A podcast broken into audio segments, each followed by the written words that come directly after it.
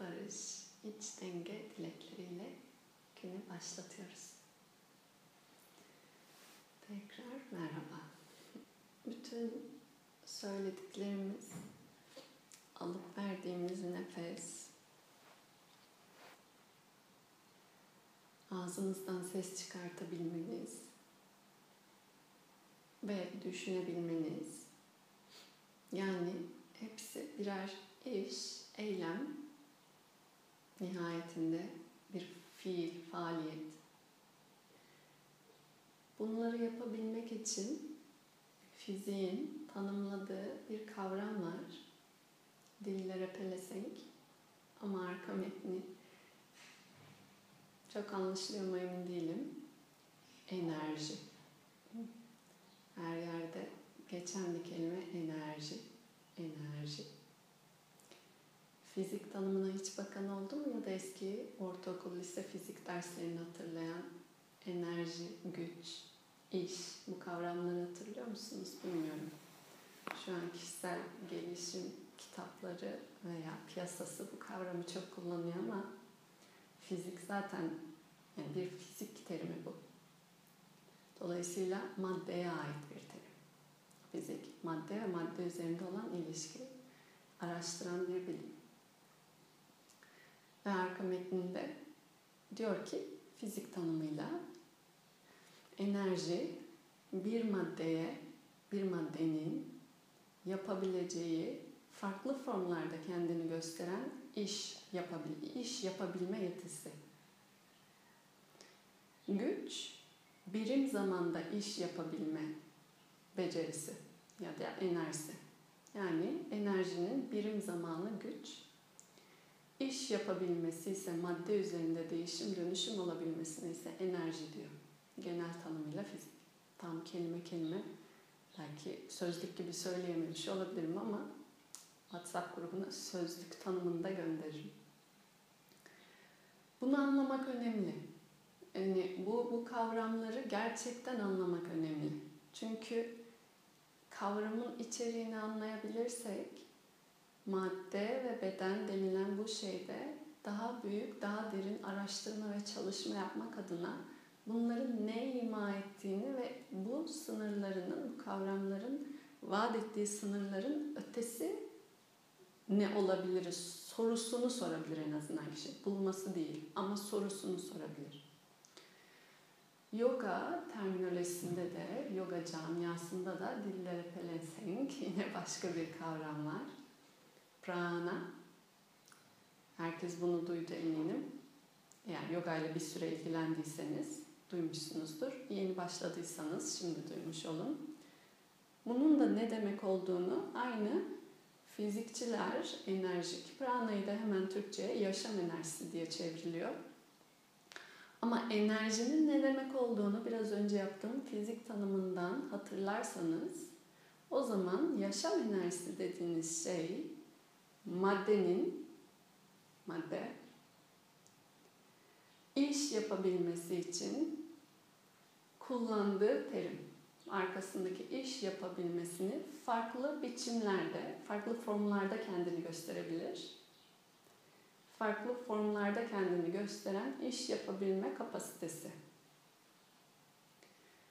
Kendisini nasıl gösterebilir? Yaşam enerjisi diyorsan pranaya, maddenin yaşam fonksiyon ve faaliyetini gösterdiği tezahürler ve yansımaları diye de çevirebilirsin o zaman.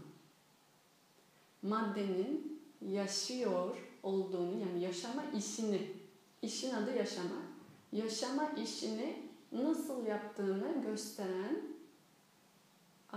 parametreler. Demek ki orada bir iş oluyor. Demek ki iş oluyorsa orada enerji var. İşin adı yaşamak. Ne gibi şeyler? O zaman soralım. Yaşamak işinin belirtileri ve tezahürleri olabilir. Eğer yaşama işinin belirtisi ve tezahürünü görüyorsanız orada prana var demek. Başka dille. Yaşama işinin tezahürü enerji. Tekrar söylüyorum yaşama işi. iş olarak eylem yapmak düşünmeyin. Yaşama faaliyeti, yaşama fonksiyonunun ortaya çıkması. Bakın yaşayan her canlı bir de daha iyi anlamak için yaşamayan bir canlı. Yani canlıdan kastım aslında yaşayan ve yaşamayan madde üzerinden konuşuyorduk. Doğru terim madde. Yaşayan madde ve yaşamayan madde tanımı yapıyorsak yaşayan madde ve yaşamayan madde arasında fark. Bir tane yaşayan beden, bir tane yaşamayan beden koyup bakmanız lazım. Prana'nın ne demek olduğunu anlamanız için. Yani yaşama fonksiyonu ve faaliyetinin iş olarak kendini ne biçimlerde enerji, tırnak içinde gösteriş biçimine enerji dedik, böyle tanımladık, anlamanız için. Yaşayan madde, ben söyleyeyim birincisini, siz de bulursunuz eminim. Ha, nefes, evet nefes var ama tekrar tanımı hatırlayın. Nefes diye cevap geldi ama tanımı hatırlayın. Tanım şuydu. Enerji ne demek oradan görürüz. Nefes enerji mi diye. Yani bayağı şu an analitik fizik sorusu yapıyoruz. Enerji bir yaşama faaliyetinin kendini gösterdiği formlar. Farklı biçimleri olabilir. Daha basit anlamanız için elektrik enerjisini düşünün. Sonra e, potansiyel enerji, suyun barajın tuttuğu enerji düşünün. Bunlar aslında bu yüzden enerji kavramını buradan geliyor. Hareket, evet. İş hareket. Kendisini ama bu hareket olarak gösterdiğinde hareket etmiyorsa bile bazen hareket etmeyen de duran da canlı olabilir. Isı. Bu güzel doğru cevap oldu. Evet. Sıcaktır. Bir. Isı, sıcaklık enerjinin birinci tezahürü. İş olarak kendini gösterdi. Değil mi? Elektrik verdiğinizde odanızı ısıtabiliyorsunuz. Elektrikli sobalarınızla. Neden? Elektrik enerjisi ısıya dönüşerek iş yapıyor. İş, başka bir işe dönüşüyor. Burada bu enerji. Dolayısıyla prana dediğimiz şey ısıya sahiptir. İki, ışık. Aynen öyle. Ne oluyor elektrikli sobayı yaktığınızda veya ampulünüzü yaktığınızda dolaşan elektrik iş olarak farklı bir biçimde kendisini ışık olarak gösteriyor. Dolayısıyla prana yani enerjinin kendini gösterdiği aslında tamamen fizik terminolojisinde de aynı ama beden prana ve yoga terminolojisinde de aynı. Isı varsa, ışık varsa orada enerji var. Yani enerjinin bunlar tezahür biçimleri. Form olarak farklı biçimde. O zaman prana varsa bedende ısı olmalı, ışık olmalı. Yani yaşam enerjisi de, yaşama faaliyeti, yaşama işi de kendisini bir bedende sıcaklık ve ışık olarak gösterir. Bunu nereden net görürsünüz? Ölü beden bir cesete bakın. Soğuktur, ısısı yoktur, ışığı yoktur. Işığı yoktur deyince metaforik bir şey gibi değil. Gerçekten donuktur. Gözleri göz vardır ama ışık yoktur gözde. Isı, ışık, hareket. Yani e, böyle form hareket etmesi, değiştirebilmesi. Ve bu hareketi sadece böyle hareket etmesi olarak değil, yanınıza gözünüzü kapatsanız bir ceset koysak, bu cesetin aynı şekilde bir saniye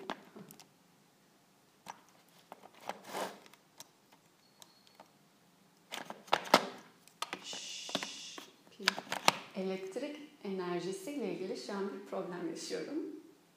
evet. Çünkü telefonumun ısı ve ışığa ihtiyacı var. Alamadı. Prizine taktım. Ee, hareket yanınızda ölü bir beden varsa da gözünüzü kapattığınızda onun hareketsizliğini yaşayan bir beden olsa da sadece dursa, böyle hareket etmesi gerekmiyor. Sadece dursa ama çevresel bir titreşimle hareket olduğunu hissedebilirsiniz. Ee, ve bunların hepsi prana'nın belirtisi. Bu konuşmayı niye yaptık? Çünkü ben diye gördüğüm bu beden üzerinde yaşamın nasıl ortaya çıktığını, kendini nasıl tezahür ettirdiğini araştırma öğretisi bir parçasıyla yoga. Ve dolayısıyla bunun ötesini merak eden soruyla devam ediyor. Geçmiş konuşmalarda daha derin derin gittiğinde girmeyeceğim bugün oraya ama bilinç vesaire gibi kavramlara gidiyordu. E, aşağıda da bu arada bir yorum gelmiş. Solunumda hareket, kalp çarpmasında hareket, hepsinde ısı, buradan da elektrik enerjisi ısıya dönüyor gibi. Yani bedende de aynen öyle evet aynı şey oluyor. Doğada ne oluyorsa bu bedende de. Bedendekinin adı na sadece prana denmiyor ama aslında prana buradaki o son şeyde yazıldığı gibi ya da enerji enerjidir. Enerji çeşitli çeşitli yerlerde iş ve dönüşüm olarak kendini gösteriyorsa bu maddede de gösterebilir, o maddede de gösterebilir, şu maddede de gösterebilir. Dolayısıyla elektrik her yerde elektrik, prana her yerde elektrik. Sizde tıpkı bir ampulden geçen tekil bir elektrik varsa, kettle'dan geçen tekil bir elektrik varsa bu maddede de şu isimde bir tekil elektrik var Yan kutucuğundaki tekil beden ve maddede de ayrı bir elektrik var. Ama elektrik elektriktir. Yani prana her yerde ve her şeyde cana dair kendini tezahür ettirdiği sürece, yaşam olarak kendini tezahür ettirdiği sürece. Burada bir prana yani elektrik aksamı var. Kocaman bir devre var. Kocaman bir devre. Bu devrenin içerisinde belli başlı yerde yoğunlaştığı noktalar var. Belli başlı yerlerinde mesela el parmakları gibi daha küçük ama gövdenin içinde şuralarda daha büyük elektrik enerji olması lazım. Yaptığı tırnak içinde iş fonksiyona göre gibi gibi şeyler. Ama sadece bu değil dediğim gibi her yer ve her şey üzerinde. Ve elektriği yani enerjiyi potansiyelden kinetiğe çevirdiğiniz zaman ortaya çıkabilir ama enerji kendi içinde potansiyelle de bekleyebilir. Suyun içinde barajda beklemesi gibi. Dolayısıyla hava kendi içerisinde potansiyel enerji sizin için, sizin tekil maddeniz için hava dahil olduğunda burun deliklerinden içeriye kinetiğe dönüşerek oksijen tırnak içinde prana olarak geliyor bedeninize. Dolayısıyla nefes çalışması veya nefes eşittir prana değil sadece. Bu tekil biraz yüzeysel anlayış. Bu arka mantığı anlarsanız hava potansiyel ama havanın bu potansiyelden bu maddeye, bu tekil sınırda, bu formdaki maddeye, her form için geçerli değil. Ağaç için karbondioksit mesela Dolayısıyla bu tekil maddeye dahiliyeti ise çok güçlü bir prana potansiyel olarak enerjiyi kinetiğe çevirme aracı.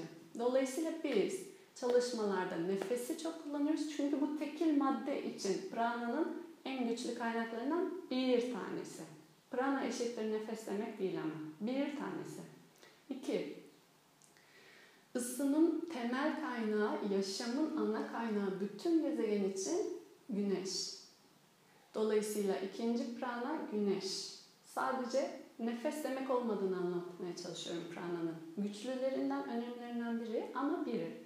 Güneş ki su almazsanız yine aynı şekilde prana kendi içerisinde enerji dönüşümü bu madde içinde mümkün değil.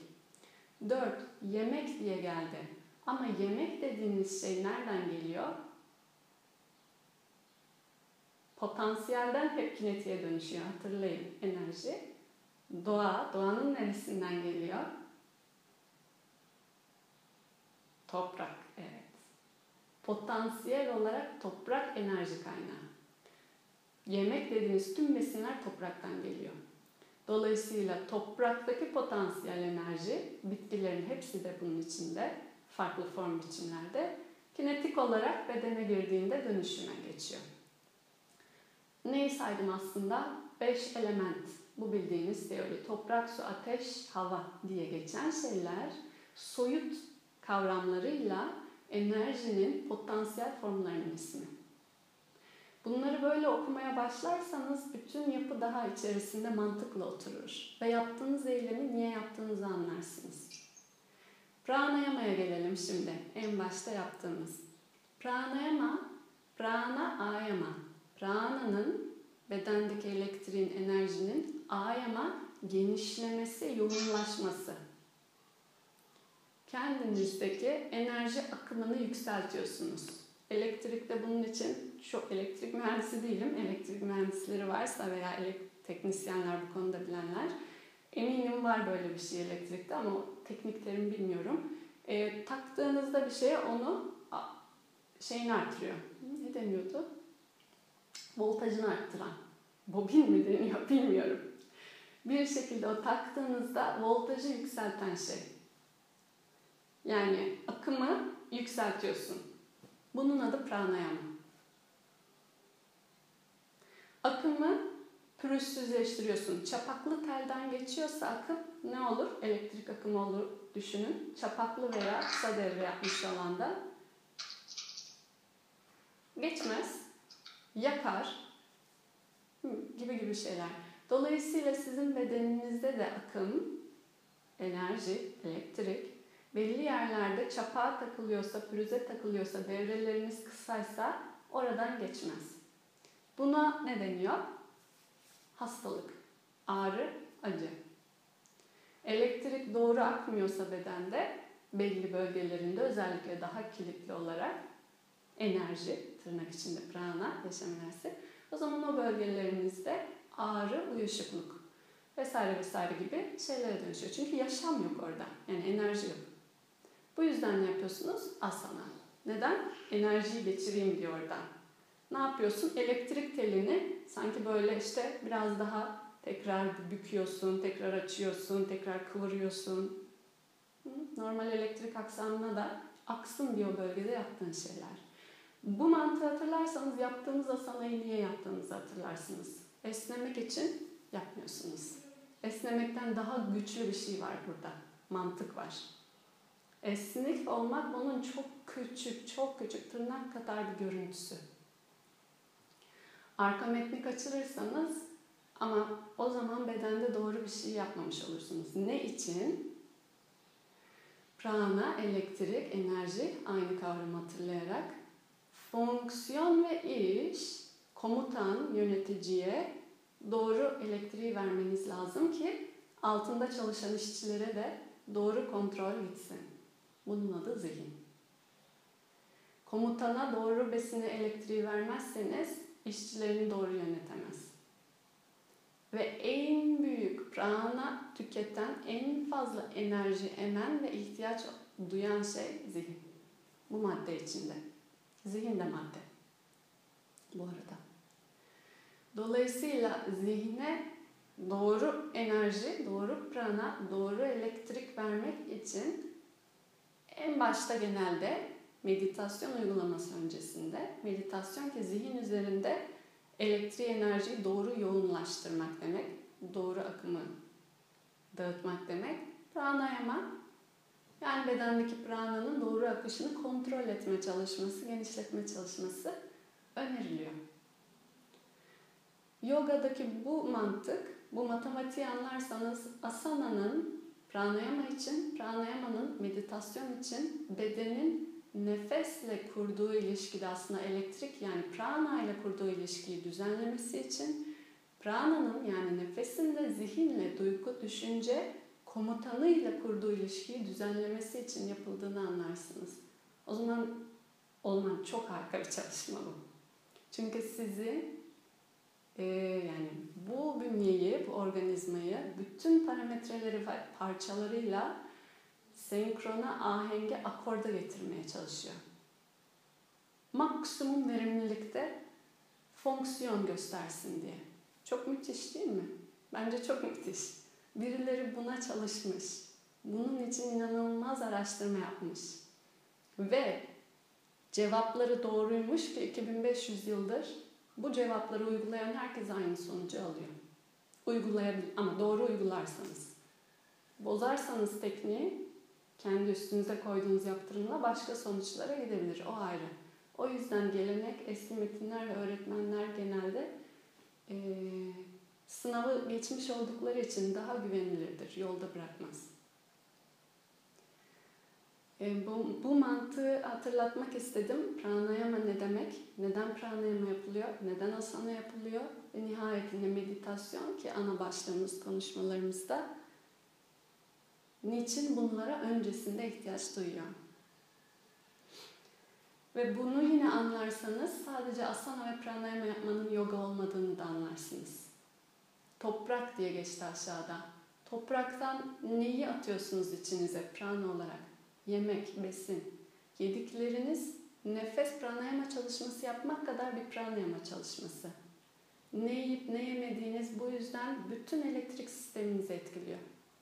İstediğiniz kadar saatlerce asana pranayama yapın. Beslenmenize yoganın önerdiği pranayı yoğunlaştıran, doğru yöneten besinler odağında dikkat etmiyorsanız iki gider bir geri gelirsiniz ya da bir gider iki gelirsiniz.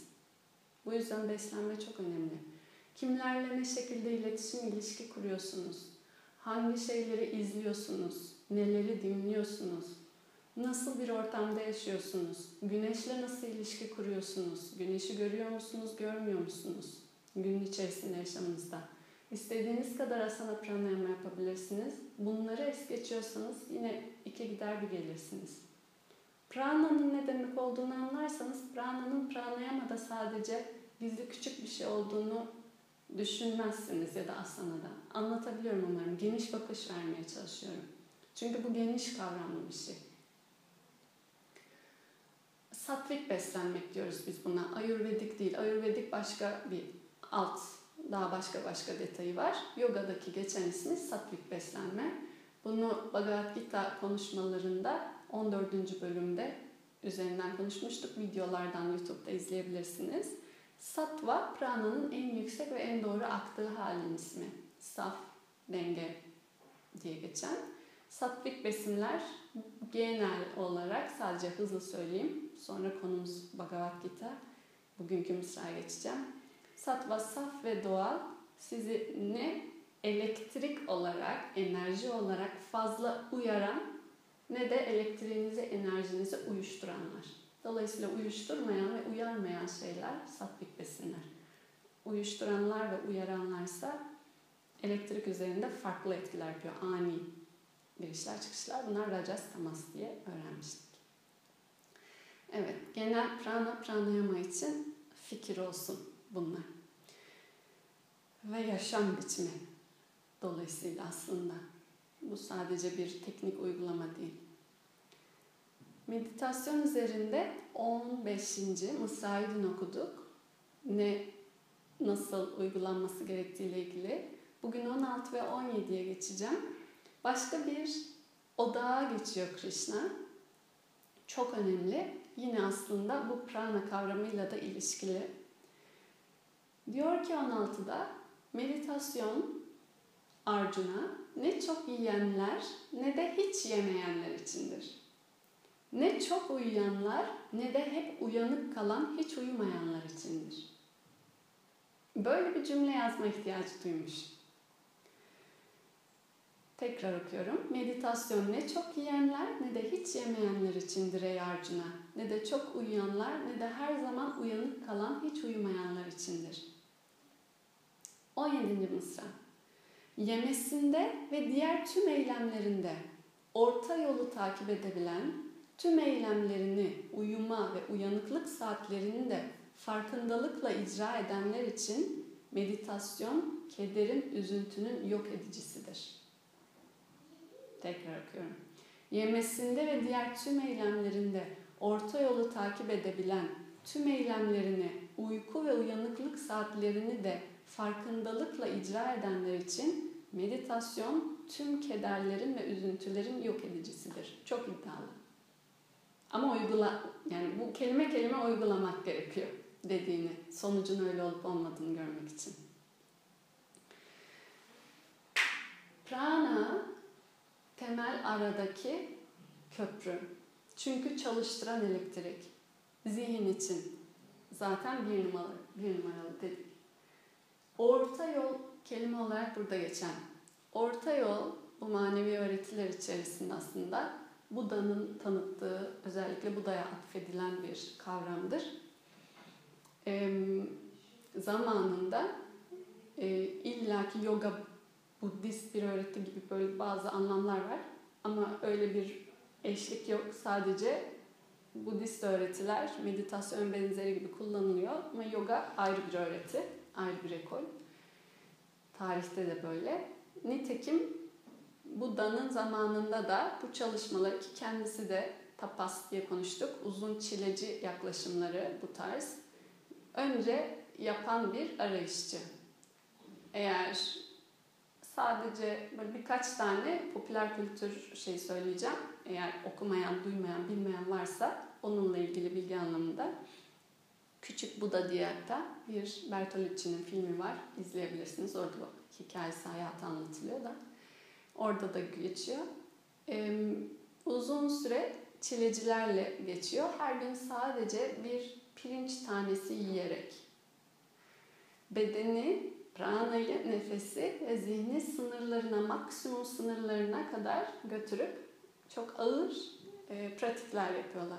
Ve bir yerden sonra o kadar enerjisi ve o kadar hiçbir şey yapacak hali kalmıyor ki öyle bir sahne var filmde de e, hikayede de öyle geçiyor. Kitapta anlatılanlarda vesaire.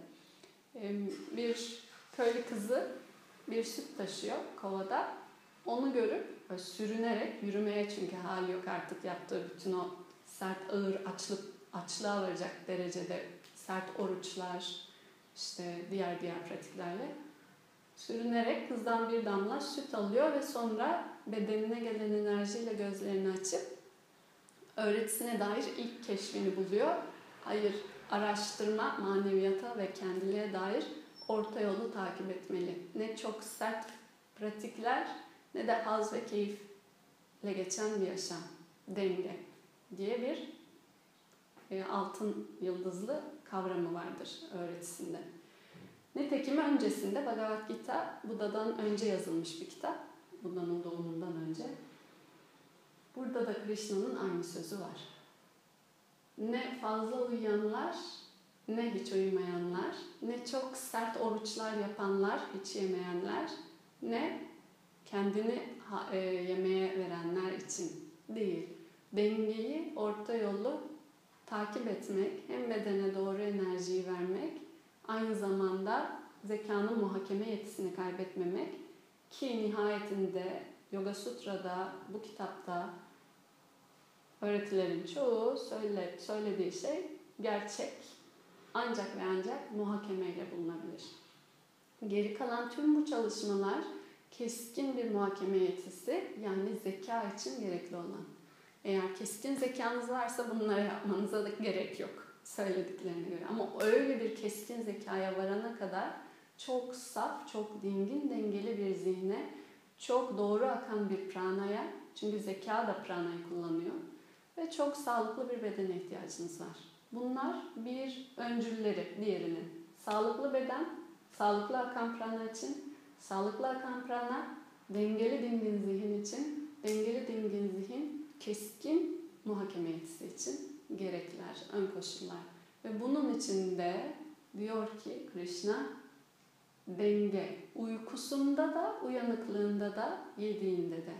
Dolayısıyla gece 3'e 4'e kadar oturup 12'ye 1'e kadar sonra uyuyup sonra ertesi gün başka yapıyorsa ya da gece hiç uyumuyorsa bütün gün meditasyon yapacağım, bütün gün meditasyon yapacağım diye 24 saat oturmaya da çalışıyorsa bunlar sonuçsuz.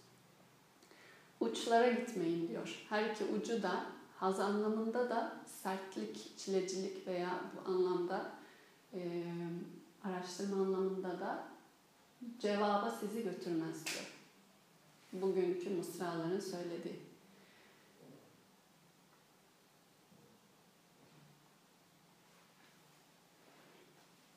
Evet, bu yemek ve uyku için özellikle yemek genel konumuz olduğu için ama miktar adına da geçerli. Sadece ne yediklerinden ziyade miktarın da orta ve dengede olması. Her şey için aslında aynı cevap verilebilir. Zihin diğer iki uca gitmeye çünkü çok meyilli.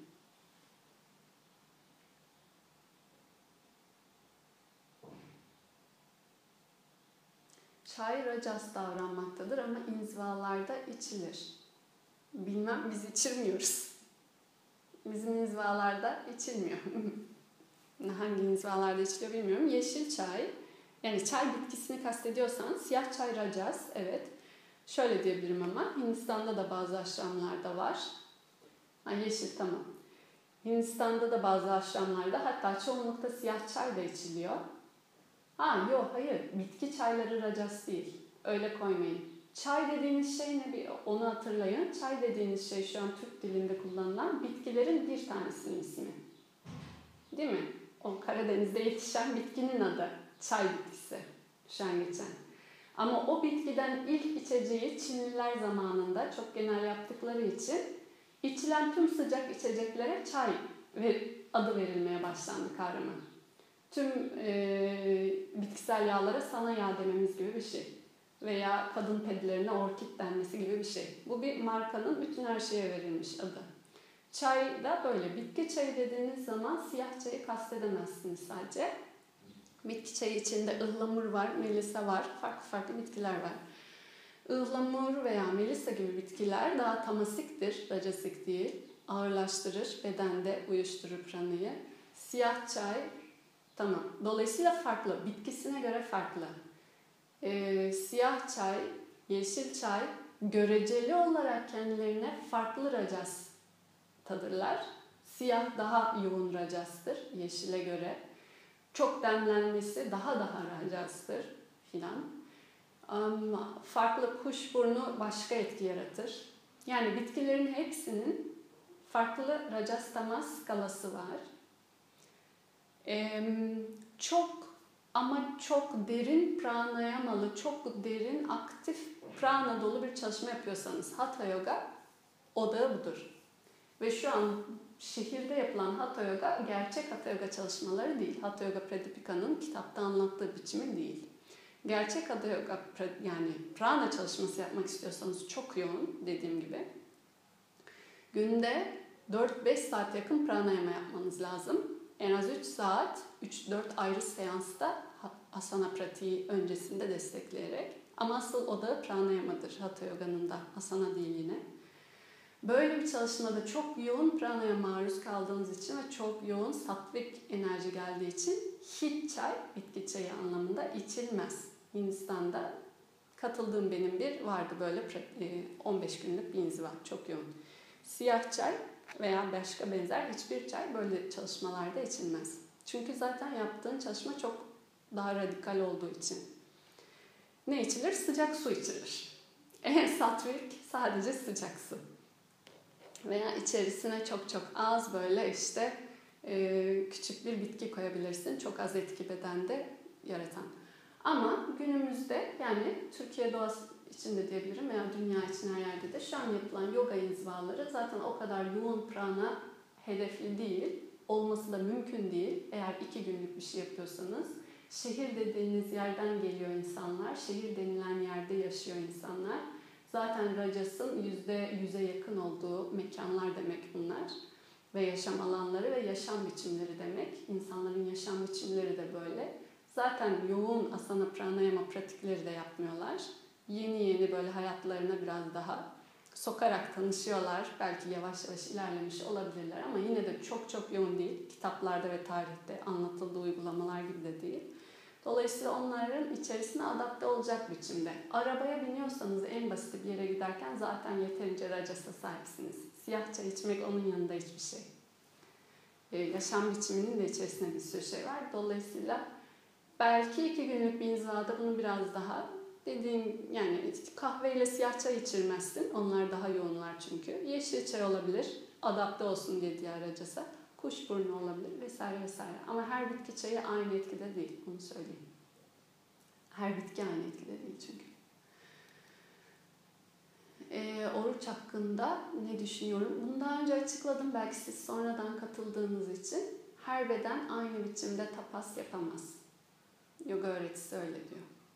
Herkes aynı biçimde e, tapas. Burada çile veya manevi kendine meydan okuma, irade terbiye çalışmaları herkes için farklı kıyafet var. Herkesin kendine göre adapte etmesi gerektiğini söylüyor. Yoksa zarara dönüşebilir. Zarara dönüşmemeli bir şey. Bu orta yol bugün konuştuğumuzda aslında denge denilen kavram ahimsanın en başta birinci ilki olarak konuştuk değerlerde. incitmeme, zarar vermeme. İncitme ve zarar verme varsa oradan bir fayda bulamazsınız ki zaten. Dolayısıyla yaptığınız hiçbir çalışma başta kendinize sonra çevrenize zarara dönüşmemeli. Bunu ilki olarak hedefte tutmak demek orta yol. Şu an bu konuştuğumuz iki mısra. Alt metnine bütün besinler, bütün manevi çalışmalar, e, ritüelleri de kategori olarak koyabilirsiniz. Ojas diye geçen terim prananın en saf hali bedendeki. Cinsel hücreleri üreten en saf enerji. Yani bir beden yaratabilmeniz için bir yumurta mesela oluşması bedende bedendeki elektriğin en en en en en saf boyutu ki Ayurveda'da da böyle yedi katmanda anlatılır. Kastan kemiğe vesaire vesaire vesaire en son yedinci katman üreme organlarıdır. Onlarda çok yüksek enerji var çünkü ki can oluşturuyor. Beraber olduklarında yaşam ortaya çıkıyor bebek. Ojas o. Prana'nın en saf hali. Yaşam enerjisinin en özü, nektarı. Evet. Tabii ki tek öğün yemek vesaire gibi bir şey yapıyorsanız çünkü açlık geldiğinde yemek yemeyeceğim demek bu tek öğün yemek. Oruç. Bu da kısmi bir oruç. Filizlendirilmiş gıda prananın evet daha yoğun çünkü filiz kendisi yaşama dönüşüyor. Yani yaşamın en formunda bebek, insan bebekleri de öyle. Müthiş pranadır. Bebeğe baktığınızda 3-4 aylık bebeğe ışık doludur. Böyle sıcaktır. Çocukların ateşleri daha yüksektir büyüklere göre. Ateş ölçerken de aynı şeyle yapılmaz. Böyle küçük bilimsel şeyler. Aynı mantıktan. Çünkü prana çok yüksek. Bebek olan canlılarda. Yaşam orada büyüdüğü için. Ee, bebek olan tüm her şey için geçerli bu. Filizlendirilmiş gıda için de geçerli. Bebek salatalık yiyorsanız da geçerli. Hareketsiz bir yaşamın içinde e, hareketsiz bir yaşamın içinde tabii ki çayla, oolong gibi destek alabilirsiniz. Ki şu an şehirde yaşayan herkes bunu yapıyor. O yüzden bu kadar çok kahve ve çay içiyor insanlar. Çünkü pranayı başka türlü doğru biçimde alamadıkları için dış desteklere ihtiyaç duyuyorlar. Ama eğer, ama daha doğrusu şunu sormamız lazım. Bununla prana takviyesi ne kadar arabayı götürür? Yani sürekli arkadan böyle bir şey e, satvik değil, yaşamın satvik değil çünkü zaten ama. Satvayı zaten bekleme. Bütün gün hareketsiz oturmak demek tamasın çok yüksek dozu demek. Çok yüksek taması satvaya getiremezsin. Ona rajas ihtiyacın var. Rajas da çay. Dolayısıyla yoğun tamasta yaşadığı için herkes tamas ve rajas denkliğinde böyle yaşamlar geçiyor. Bütün gün oturarak ofiste kahve çay içerek rajasla Satva nadiren gün doğumu gün batımı arada belki görüyorsa şans eseri ya da güneş. Dolayısıyla yaşam biçimi tamastan çıkarsa zaten racasik içeceklere ihtiyaç duymaz. O yüzden doğada uzun süre geçirirseniz bunları hiç içmek istemezsiniz. Canınız istemez. Enerji zaten içeride satvik olduğu için. Doğa satvanın e, memba. Çünkü prananın memba.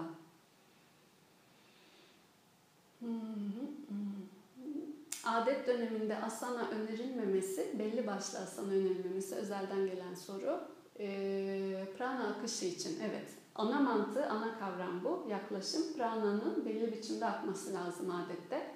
Kanamanın aşağı doğru akması adına.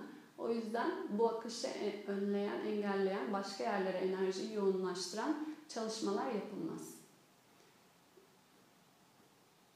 Kaldırabileceğinden fazla bilgi edinmek dengeyi bozar mı? Bilgi satlık bile olsa bozar tabii ki de. Bilgi, bilginin satlık, bilgi nesnelliğinde satlık değil. Her şey göreceli maddeye dair. Sen neredeysen bulunduğun yere göre zaten o da sana öyle bir etkiyle geliyor. Eğer e, Yani depresyondaki bir insana e, Bhagavad Gita okumak, depresyondan hiç çıkmadan evde bütün gün oturuyorsa saçma ama sus. Hayatta dair şu an hiçbir şey var. Görmek istemiyorum gibi diyebilir. Zaten o değer orada gelmez. Ya da depresyondaki bir insana meditasyon yaptırmaya çalışmak gibi. E, yoğun tamas varsa sattva orada zaten başka bir göreceli. Her şey göreceli. Öyle düşünürseniz adı üstünde kaldırabileceğinden fazla bilgi diyorsun. Burada zaten rajas, tamas dengesi, denge, denklemi var. İnziva programı var mı ileri tarihte? Nedense güldüm buna. İleri tarihe dair hiçbir planımız yok şu an. Değil mi? Sizin var mı? Bence hiç plansız olmak da deneyim adına e, ve zihin adına koşan, planlar yapan, bilmek isteyen zihinleriniz varsa bu dönem çok güzel terbiye edici. Bir şey bilmeden, bir şey planlamadan, evet inzivalar normalde düzenliyoruz. online inziva, online evet yapıyoruz. Normalde inziva tabii ki yüz yüze iletişim, görüşmeyle e, çalışmalara yapılması. Tarihte de böyle olmuş. İnsan olmaya dair de göz göze yüz yüze görüşüp konuşmak gerekiyor ama şu an plansız ve yarın ne olacak sorusunu sormadan durmaya çalıştığımız bir dönemi deneyimliyoruz. Yarını bize doğa söylüyor. O yüzden onunla ilgili bir şey söyleyemeyeceğim. Bir plan yok şu an. Plan yarın sabah satsankı gelmek. Tamam. Normalleşme takvimi açıklandı. Peki tamam. Şunu söyleyeyim. Ee, her an, her şeyden aslında kendimizle ilgili bütün çalışmanın olduğunu hatırlarsak, nesneyle, nesneden sal, değerin gelmediğini hatırlarsak, geçtiğimiz konuları özetliyorum. Anlamı verenin özne olduğunu unutmazsak, her soru, her plan, her kaygı, her korku, her ağırlık, her ne deneyim alanınıza giriyorsa temelin ve merkezin siz olduğunu unutmayın. Bu birinci en önemli argümanımız. Bütün öğretinin başladığı. Sutra, Gita ne aklınıza geliyorsa. Ve şu anda buradayız. Ana gelmek odaklı zihin. Şu anda burada bu konuşmada. Bu sorularla ilgili değil. Dediğim genel bir hatırlatma. İnzivalarda şöyle olur. İnzivaya gelirler birinci gün. Güzel. Birinci günün akşamı da ikinci günün sabahı. Asana pratiği olmuş, meditasyon yapılmış, yemek yeniyor. Akşam saat kaçta bitecek hocam? Yarın ders kaçta bitecek? Ama o an yemek yiyoruz. Ve veya asana pratiğinden çıkmışız. Sadece zihnin nasıl çalıştığına dair işaret için. Bazen bilerek burada şu an katılımcılar arasında da olabilir o inzivalara gelip böyle cevaplar vermiş oldum. Şu anda yemek yiyorum diyorum bazen. Şu anda yemek yiyoruz. Şu anda asana dersi bitti. Gibi cevaplar bazen verdiğim oluyor. O bozmak için değil kimseyi. Sadece fark etmek için aslında zihnin nasıl çalıştığını veya bu, bu çukurlarını görmek için. Şu anda yemek yiyorum şu anda yemek yerken yarın nasıl döneceğimi neden şu an bulmaya çalışıyorum? Düşünebilirim. Ama onun zamanı onun zamanında neden değil. Ve yemeğin arasına giriyor. Böylece yemekle kurduğum ilişkiyi koparıyor. Böylece beni andan koparıyor. E, takip edebiliyorsunuz değil mi? E, tüm meditasyon, tüm konuşma, anda kalma, odaklı zihin, mutluluk, odaklandığında gelen tamlık vesaire vesaire vesaire işte bu bu alışkanlıklardan. Yani böyle çok çok derin giren şeyler var. Eğer herhangi bir konuşma, herhangi bir an, şu an burada, üç gün sonra ne olacak, üç ay sonra ne olacak, acaba bilmem nereye nasıl giderim, şu iş nasıl olacak, O o zaman olacak. Ve bunu eğer düşünmek istiyorsan hiç düşünme demiyorum. Ama o zaman bunun için özel bir zaman ayır. Bunu meditasyon özelinde de konuşmuştuk. Bazen bir konuyu alıp meditasyona oturabilirsiniz demiştim. Hatırlıyorsanız bu 21 günün içinde bir gün demiştik. 21 günün içerisinde demiştik bir yoğun bir soru varsa çözmek istediğiniz o sorunun üzerine o ne olacak o ne olacak anlamında değil ama o soruyu alın bütün 30 dakika bir soruyla tek başıma oturacağım deyin. Nasıl hissettiriyor? Neremde hissettiriyor? Neyi merak ediyorum? Neyi öğrenmek istiyorum? Bunu yapabilirsiniz. Ama yemek yerken bu soruyu sormayın. Ya da kitap okurken 5 gün sonra ne olacağı diyorsa zihniniz burada tam bu konuşmaların işte pratiklenme alanları var. Problem var burada. Aynı anda bölünen, parçalanan zihin var. Anda kalamayan, odaklanamayan, dolayısıyla da mutlu olamayan, mutluluğu deneyimleyemeyen.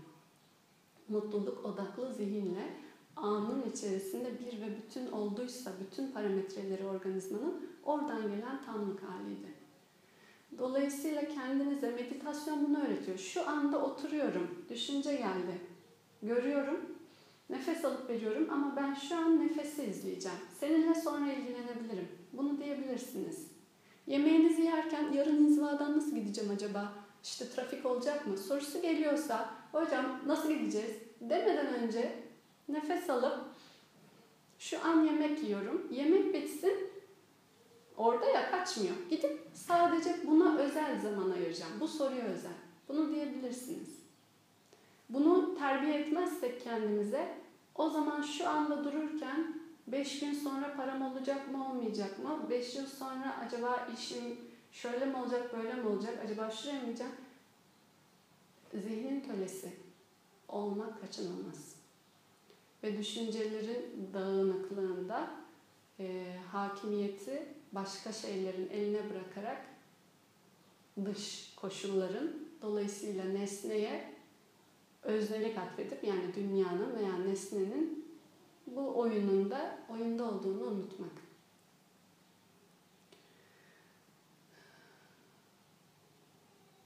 Bunların hepsi bunun için. Bu çalışmaların hepsi bunun için. Sessizlik inzivaları çok güzel. Kimse soru sormuyor. Evet, içinde patlıyor herkes. Birisi öyle demişti. Patladım içimde. O kadar çok konuşmak istedim ki diye.